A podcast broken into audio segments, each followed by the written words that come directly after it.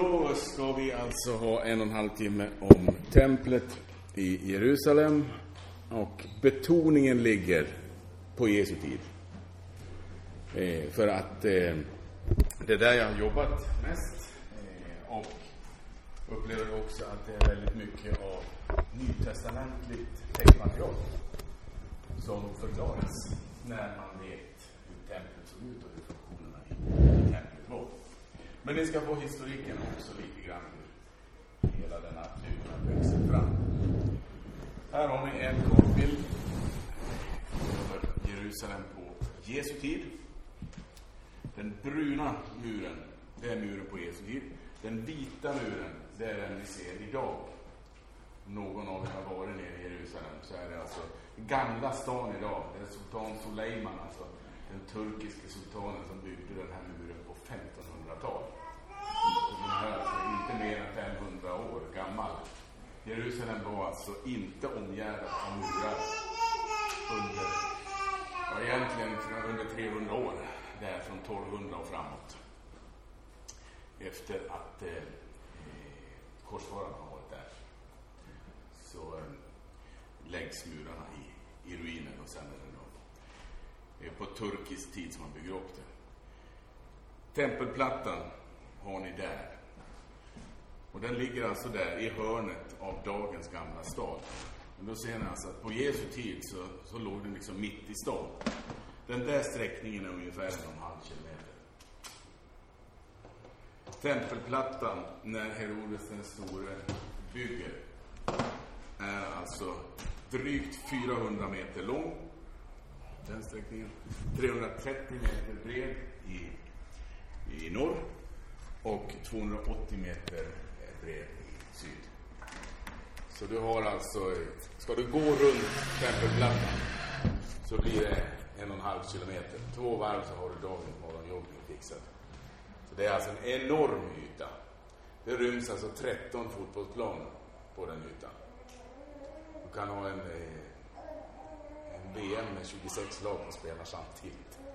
För att bara inse vilken, vilken enorm yta som det var på Jesu tid. Varför kan man fråga sig? Varför var ytan så stor? Varför byggde Herodes en sån jätteplatta? Ja, för att Jerusalems befolkning ökade. Det är lite olika siffror eh, bland forskare. Men någonstans mellan 50 och 100 000 tror man bodde i Jerusalem fast på Jesu tid. Och på vallfartshögtiderna, främst påsken, så kunde det öka med ja, upp till gånger 10. Så alltså mellan 4 500 000 då. Och då behöver man ju väldigt mycket extra områden. Så var skulle folket vara? Jo, man var ju i templet. Ja? Templet som fanns på Jesu tid, men det är det som byggdes som det är som nämns. Nej, jag ska ta his historiken. Jag ska ta historiken. Så. så där har ni, har ni kartbilderna, så att vi rör oss liksom både innanför och utanför de olika murarna.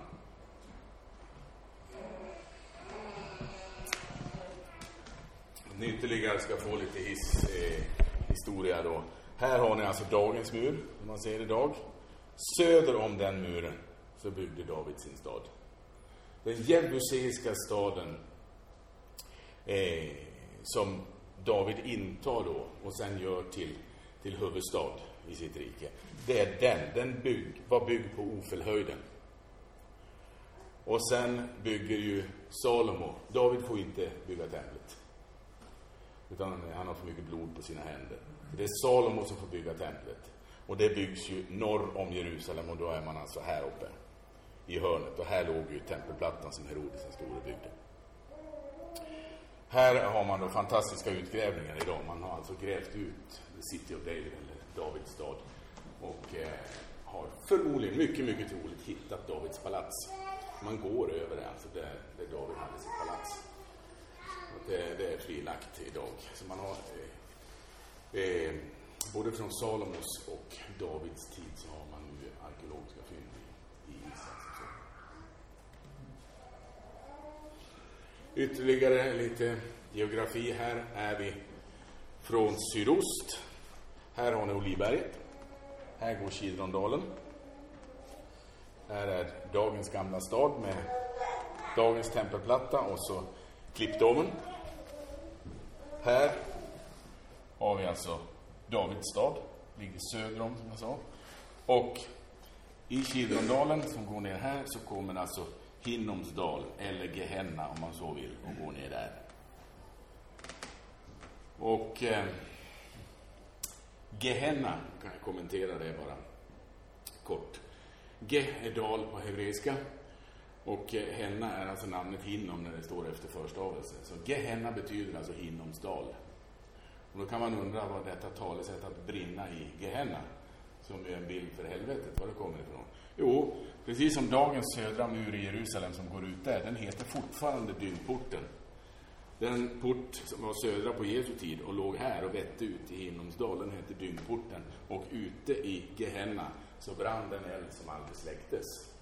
Där bar man ut soporna. Så det var avskrädeshögen. Så vad Jesus egentligen säger när han talar om faran att brinna i Gehenna, det är att se till att ert liv inte blir som skräp. Så det förbränns på skräphögen. Det är bildspråket. Man, man dömde också, eh, eller man brände förbrytare som inte hade några anhöriga som tog hand om begravelse. De brändes i, i Men denna dal är också då kopplad till eh, eh, elände i Israels historia. Israels kungar, vissa av dem lät ju sina barn gå genom eld åt guden Molok och det skedde i Hinnomsdal. Därför säger de judiska rabbinerna att helvetets port låg här. Så där har ni alltså en koppling inte bara till skräphögen utan också en koppling direkt till helvetet. Och himlens port låg alltså inne i eh, det allra heligaste. Så Jerusalem finns som knutpunkten mellan eh, himmel, jord och underjord. Och platsen där, där Gud en dag ska hålla dom. Så, så det är mycket sådana ja egentligen teologisk geografi. Det sägs ju i Joels bok, alltså de här två dalarna, de löper samman. Ja, ni ser det här. I Josafats dal. Och i Joels bok i Gamla Testamentet så står det att Gud ska församla alla hedna folk i Josafats dal och hålla dom. Var ligger FNs högkvarter idag i Jerusalem? Josefats dal. Det ligger en bit ner. Det är också ett väldigt memento. Så världens nationer, man är Jerusalem, det var kontoret på, i Josefats dal där Bibeln talar om att slutdomen ska, ska ske. Här kom eh, korsriddarna, det kallas för Glädjens berg. Eh, första punkten när man kommer. Ni har alltså Medelhavet här uppe och så har ni eh, Västbanken. Och här är man uppe på hö högsta punkten. Alltså. Så här såg de Jerusalem för första gången när de kom då på 11 och 1200-tal. Och det, där ligger då profeten Samuels grav där uppe. Och då har ni lite eh, geografisk översikt. Det är ju en miljonstad idag, Jerusalem. Ser, här är alltså Gamla stan. Du ser hur bebyggt det är. Det är de sista hundra åren, i stort sett. I mitten på 1800-talet så bodde det bara någonstans mellan 5 000 och 7 000 människor i Jerusalem. Alltså, Verner von Heidenstam, vår svenske författare, han reste i, eh, i, i Palestina eh, då på 1800-tal och liknade vid en obebyggd och egentligen obeboelig sumpmark till stor del. Det är ju alltså den främsta invandringen, både på arabiskt och judiskt håll, har skett på 1900-talet. Så att det är inte så att man har övertagit bebott mark, utan man har alltså flyttat in till större delen. Sen finns det ju både judisk och arabisk eh, befolkning som har bott hela tiden. Det gör det också. Men det är ju inte sådana här mängder. Och den här bilden visar väldigt tydligt jag, hur man har byggt ut stan. Där ser ni Döda havet. Här har ni Herodion, alltså Herodes den stores gravkulle. Man har grävt fram hans eh, osarie, hans eh, benbox. Så att man har hittat kvarlevorna av Herodes den store. Man har alltså arkeologiskt fynd också på, på honom. Ligger där och här ute har ni Betlehem. Det är eh, ungefär sex kilometer mellan Jerusalem och Betlehem.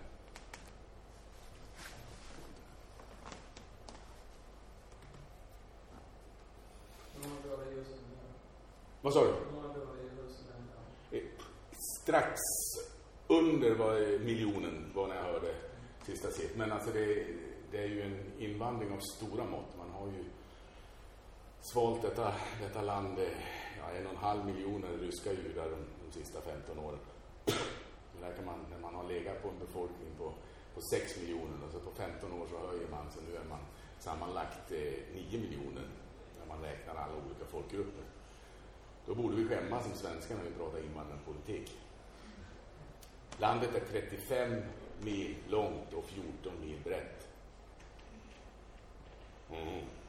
Och man klarar av att svälja alltså. Och inte bara svälja en mängd människor utan på TV, när du ser på TV då, i Israel lite roligt för man har väldigt många ryska judar då som, som då inte har lärt sig hebreiska än och inte kan engelska så då finns det en textremsa på, på ryska och så finns det en på hebreiska och så finns det en på arabiska och så finns det en på engelska. Det halva bilden eh, eh, eh, är textremsa.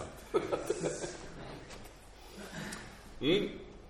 Sen finns det en stor modell eh, vid Israels museum. Eh, där då staden på Jesu tid, alltså den som var en och en halv kilometer där uppifrån till dit, är byggd i, så att jag tror det är ja, 60 eller 70 meter är det.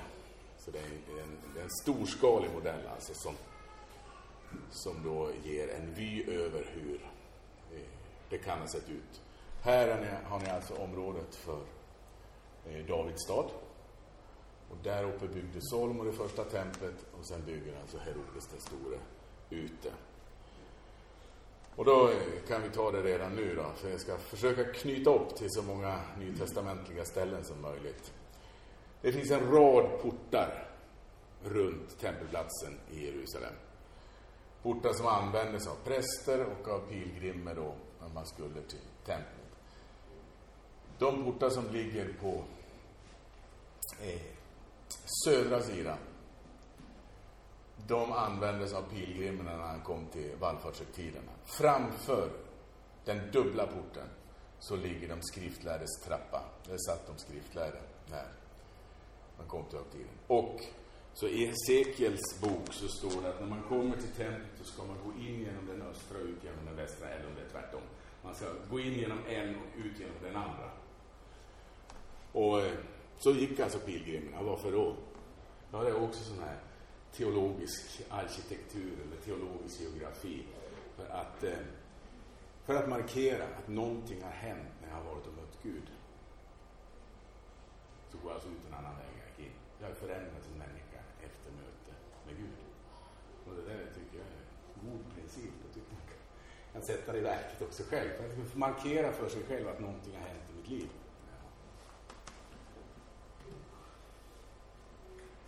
Ja, den ser den är samma vy. Siloadammen. Det finns en övre och en nedre. I Johannes 9 så eh, säger ju lärjungarna när man ser den blindfödde. Är det den eller hans föräldrar eh, som har syndat eftersom han föddes blind? Då svarar Jesus, det bryter rakt igenom alla våra förutfattade meningar att vi tror att vet hur saker och ting lägger till. Och då säger Jesus till lärjungarna, det är varken denne eller hans föräldrar som har syndat. Detta skedde för att Guds gärningar skulle uppenbaras på honom. Så lärjungarna får liksom lång näsa, de tror att de vet anledningen, men så är inte fallet. Hur många bodde i Davids stad? Eh, hur många bodde i Davids stad var frågan. Eh, det är, alltså det kan inte ha varit speciellt många. Jag har faktiskt inte sett någon siffra där. Eh, där är ju forskarna fundersamma för att man menar ju att eh, eh, David eh, intog staden, men att det var ett fredligt intagande så att man levde tillsammans med jebuséerna. Och när David då köper, här har ni Davids palats och här uppe ligger alltså templet. Eh, när David då eh, köper platsen där brännofferaltaret ska byggas, han får ju bygga altare men inte tempel. Då eh, betalar han ju Arona för det området och Eh, många forskare menar att Arona är alltså jeruseiska hövdingen i Jerusalem. Så att det var någon form av, av eh, samexistens. Eh, men någon definitiv siffra på hur många som, som bor, det är Förmodligen var det ju så att eh, staden användes som fästning och sen hade man sina åkrar och bostäder flydde alltså in när, när det var hot. Och där, där kan jag inte ge det eh, något mer. Men vi kan ju, när vi då är inne på David, för det är ju Jerusalem då på tusental före Kristus som gör Jerusalem till huvudstad. Och först är det kung Saul, sen är det kung David och sen är det kung Salomo. På kung Sauls tid så är Israels folk fortfarande ett väldigt tydligt stamfolk. När man kommer från Egypten, från fångenskapen, så får ju varje stam sitt eget område. Man är alltså ett stamfolk med, med en rad stammar och eh, leviterna då fick ju städer. Men sen hade man ju sina egna strider och sina egna domar under domartid. Så då fanns det ju förmodligen domar i olika stamområden. Och så ska David förena detta rike. Han har haft huvudstaden i Hebron och så ska han eh, nu få en stad som kan svetsa samman folket. Då väljer han en stad som inte ligger på något stamområde. Det, ligger, alltså det var en jebuseisk stad. Och den låg alltså norr om eh, Benjamins stamområde. Eh, nej, eh, eh, norr om Judas stamområde och söder om Benjamins stamområde. De två stammarna i syd. Och därför kallas Jerusalem än idag inte Jerusalem Israels stad. Utan Jerusalem Davids stad. Alltså det den store konungens stad läser vi om i Bibeln. Alltså, det är alltså den konungsliga staden som då svetsades samman. Kunde, ingen stam kunde bli stor på den andras bekostnad, så här, kungen valde att bo hos oss. Utan alla fick koppla upp till, till en gemensam punkt. Så politiskt var han väldigt skicklig. Och sen skapade han ju då också platsen där man ska komma och tillbe. Tidigare så har ju då tabernaklet som har flyttats runt lite grann varit platsen. Och så hämtar ju David först arken och dansar framför den när han kommer till, till Jerusalem. Och, eh, eh, och sen eh, bygger han då ett altare och sen kommer Salomo och bygger templet. Så då blir det både politiskt och, och religiöst centrum. Ja, vi ska, det är bara utgrävningar i Davids stad. Vi ska komma till templet lite mer. Här. Här ser ni den enorma ytan som är. Och ingen vet exakt var Salomo bygger templet. Det finns en rad hypoteser, men det finns inget som är eh, fastslaget. Alltså i Gamla Testamentet så har vi ju först offeraltaret. Det kommer in redan i, i, i Första Mosebok. Och efter offeraltaret som centralplats så kommer tabernaklet. Och efter tabernaklet så kommer ju templet. Och det är Salomo som bygger templet.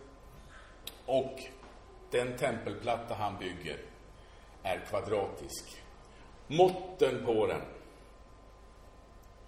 går alltså att ta från en trappsteg här borta i hörnet. När jag är nere med grupper så går jag alltid dit.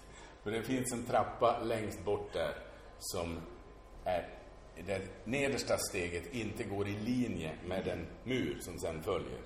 Utan den har gått i linje med någonting annat. Och den går alltså, om tempelplatsen är så här nu, den alltså, det var ju 330 meter i norr, 280 i syd, så den är ju lite bred. Men trappsteget där, det ligger helt i linje, som att det var alltså då en, en helt kvadratisk yta. Lägger man den ytan utifrån några ytterligare stenar så hamnar man alltså mitt eh, i klippdomen eh, för eh, det allra heligaste. Och där finns det också i den klippa, Moria berg går ju i dagen på två ställen. Går i dagen där inne och går i dagen i Vindarnas kupol där borta.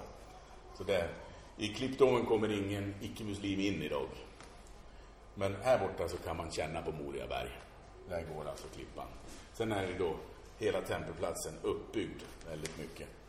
Så att eh, förmodligen så är det alltså templet. Det är tempel Salomo bygger och det är tempel som eh, Zerubabel sen återuppbygger. Vi har alltså Salomos tempel läggs ju i ruiner 586. Då kommer den eh, babyloniska härskaren och lägger det i ruiner. Och så eh, besegras Babylon av Persien 539. Kung Kores kommer till makten och får världsherravälde och 538 så ger han judarna rätt att återvända. Och då kommer ett återtåg eh, som leds bland annat av Zerubabel. Och tempelbygget går dock trögt. Vi har profeterna Haggai och Zakaria som där på 520-tal profeterar. Och de är ju två unika profeter faktiskt. För de får uppleva att folket gör det de säger och de börjar bygga. Så 516 är templet återuppbyggt. Mycket, mycket mindre. Mycket, mycket mindre glansfullt än vad Salomos tempel var. Salomos tempel var ju guld och utsmyckat och oerhört vackert. Och Zerubabels tempel, det som då står 500 år senare, 516, det är alltså litet och ömkligt och eh, ja, liksom, hur skulle man nu hitta identitet utifrån detta? Ja. Så Babel är i samma veva som Nehemja och Nej, de kommer senare. Nehemja och Esra kommer senare. För att det... Eh, Zerubabel alltså, Sakaria och Haggai som jag sa, de får vara med att det byggs upp. Det är ju där kända bibelkören, icke genom någon människas styrka eller kraft ska du säga. Det handlar om tempelbygge, sjung från Sakaria bok. Och eh, sen kommer alltså eh, ett, eh, ja, Ester kommer ju in här i bilden. Nu är vi nere på 412, nu är vi inne på den gamla testamentet knyts ihop. Drottning Ester som är i början på eh, 400-talet och sen kommer Esra och Nehemja. Esra leder ett andra återtåg och Nehemja leder det, det sista. Då är vi nere på 445. Och då bygger Nehemja upp Jerusalems murar.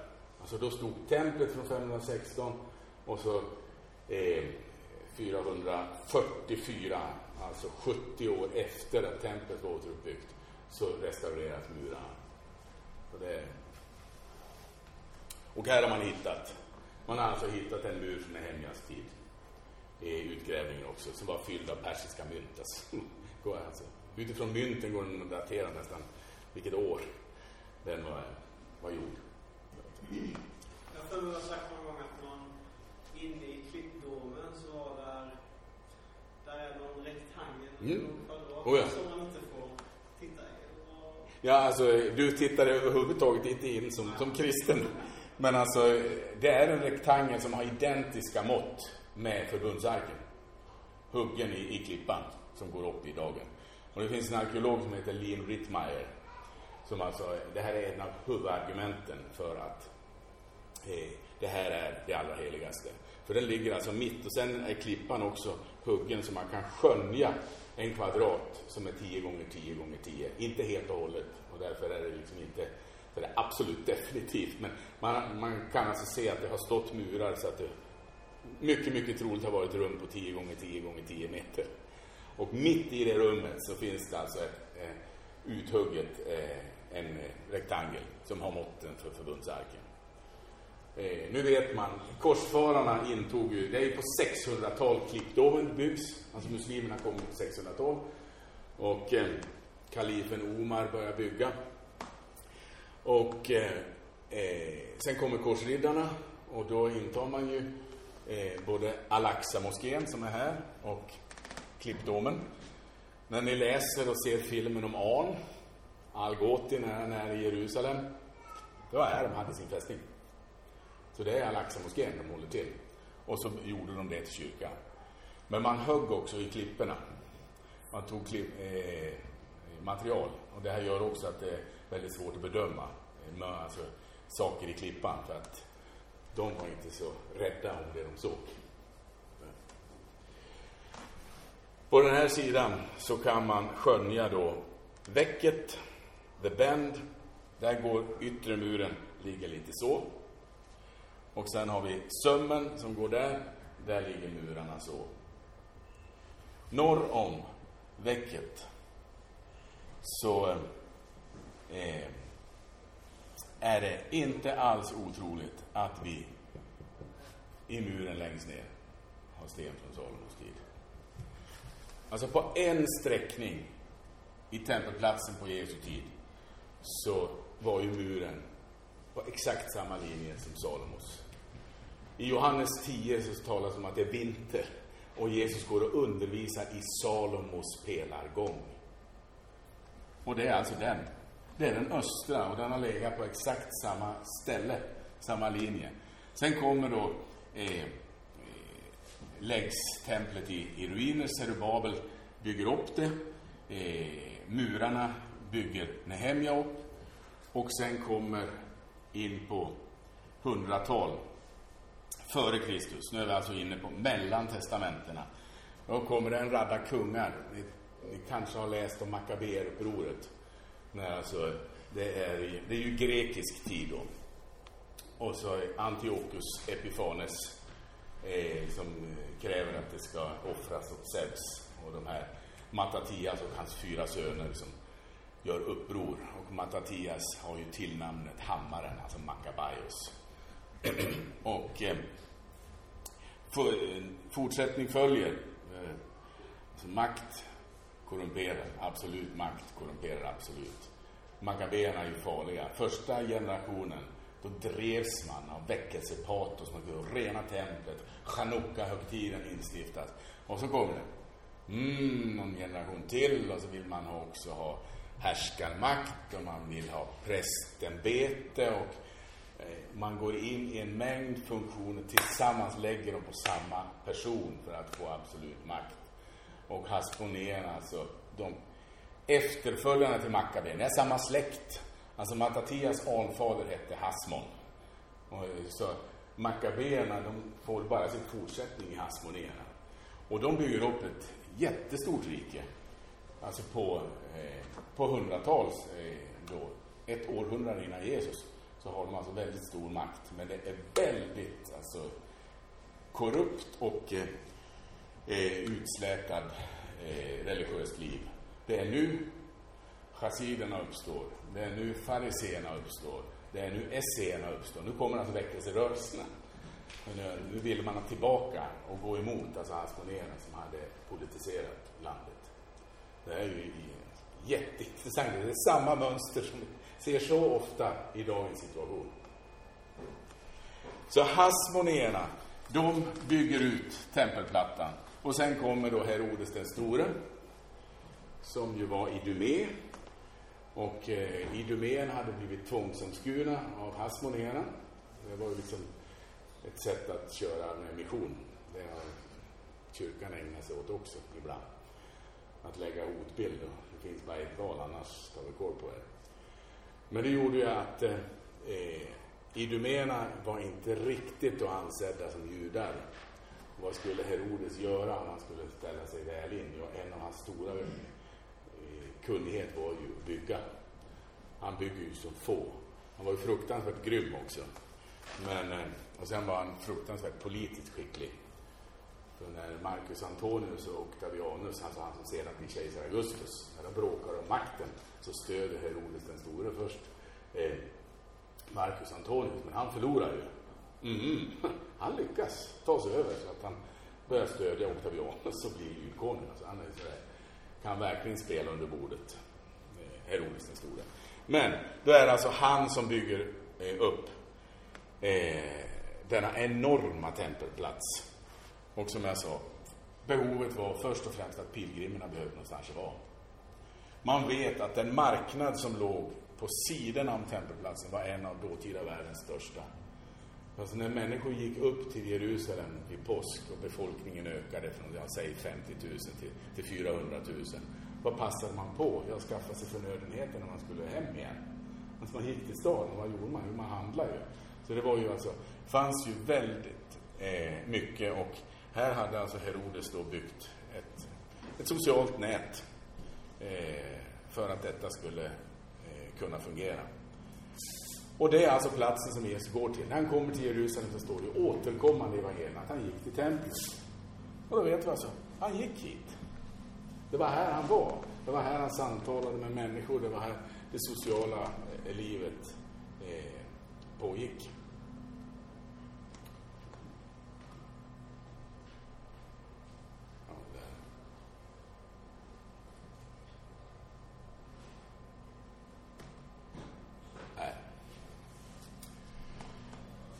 Har vi själva tempelhuset.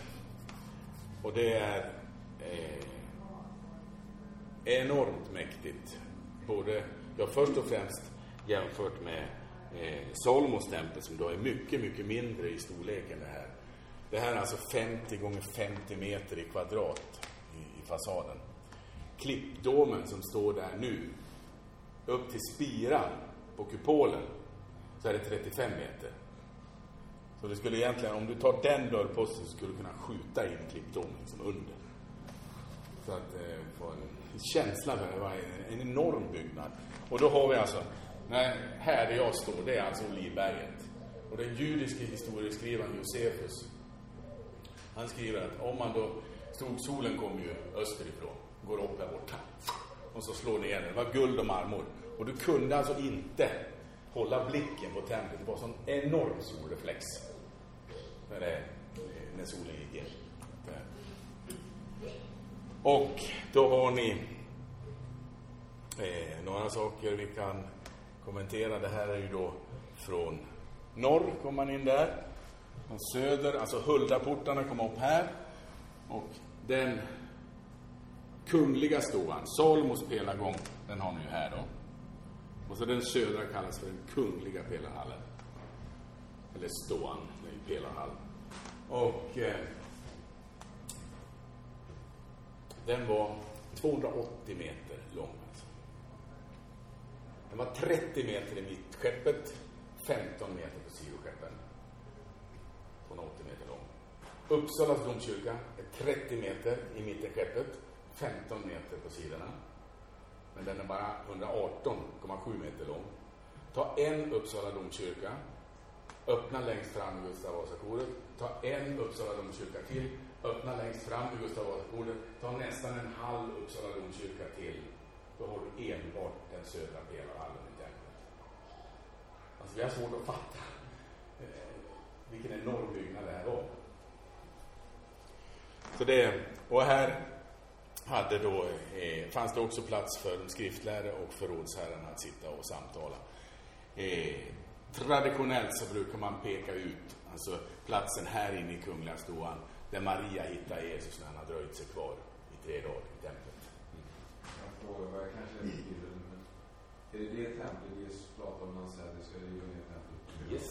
Då sitter han på Olivberget, då är det här templet. Här ska inte lämnas sten på sten. Vilket innebär då det är ett ganska intressant uttalande med tanke på att det är så gigantiskt stort. Mm. Och det Jesus ju förmodligen hänvisar på, det är själva tempelhuset. På grekiska finns det två ord för tempel och bägge används i Nya Testamentet. Heiron och naos. Naos, då är, står det naos, så då är det översatt tempelhuset. När Judas har förrått Jesus, så är, går han tillbaka till översteprästerna. Man vill inte ha pengarna. Vi vet att översteprästerna, när man dömde i religiösa frågor, så var man samlade i, i kammaren av huggen sten som låg här, vid prästernas förgård. Så att vi kan alltså, helt klart, det är hit Judas går. Och när de inte vill ha pengarna, då går Judas ut, det ni har i Matteus 27 det här. Vad står det att han gör? Jo, han kastar pengarna in i tempelhuset. Där står det alltså naos. Och då vet vi alltså, här framför låg brännofferaltaret. Han har den där 30 silverpengarna ungefär som en tennisboll. Va? Och så liksom över brännofferaltaret så att du åker in i tempelvestibulen. Och där var du ju öppet in i det heliga. Så alltså han, eh, och här kan man fundera, silver, det här. Jag vet inte om ni har brottats med Judas, jag har gjort det. Alltså jag, jag behövde Judas förråda Jesus. Ja, men behövde det så vara två människor som skulle ge sitt liv för att försoning skulle kunna ske? Om det liksom var förutbestämt. Det är ju, står ju sådana formuleringar så att det, man, liksom, man kommer aldrig ifrån den här brottningen. Sen är det beskrivet lite olika vad som händer. Eh, men det står också att Judas ångrar sig Inte varför och inte hur. Vi får inte alla svar. Man får liksom leva med frågan. Men han ångrar sig och silver är i Gamla Testamentet en metall som symboliserar försoning. Och den här frågan brukar jag låta hänga i luften för det, vi har inte bibliskt material att, att säga varken bu eller bä. Men alltså, jag ställer mig frågan, är det Judas rop efter försoning när han kastar in silverpengarna, över för altaret, in i templet? Är han så frustrerad? Han vet inte vad han ska göra. Men det är bara en liten fundering och vi kan alltså fastställa i stort sett säkert platsen. Här ser ni också. Den här skriver Paulus om. Den där lilla muren. Nu omtalade jag apostlagärningarna också. Den var 75 cm hög och sen var det pelare som var dryga meter som stod uppe på det. Och i varje eh, sektion så stod det att det var belagt med dödsstraff för en icke-jude att gå innanför. Alltså här är skiljemuren. På hebreiska heter den soreg. Och vad säger Paulus i Efesierbrevet? Att Kristus har brutit ner skiljemuren. Så att vi som var långt borta, hedningarna, kan få komma nära och få vårt hem hos Gud. Alltså här är en tempelteolog, Paulus, han skriver. Alltså det finns alltså en skiljemur som det var belagt med dödsstraff att gå innanför. Trofimus. Paulus blir ju anklagad i Apostlagärningarna för att ta med sig Trofimus innanför, vilket han inte hade gjort. Men de vill ju ha någonting att anklaga honom för. Att eh,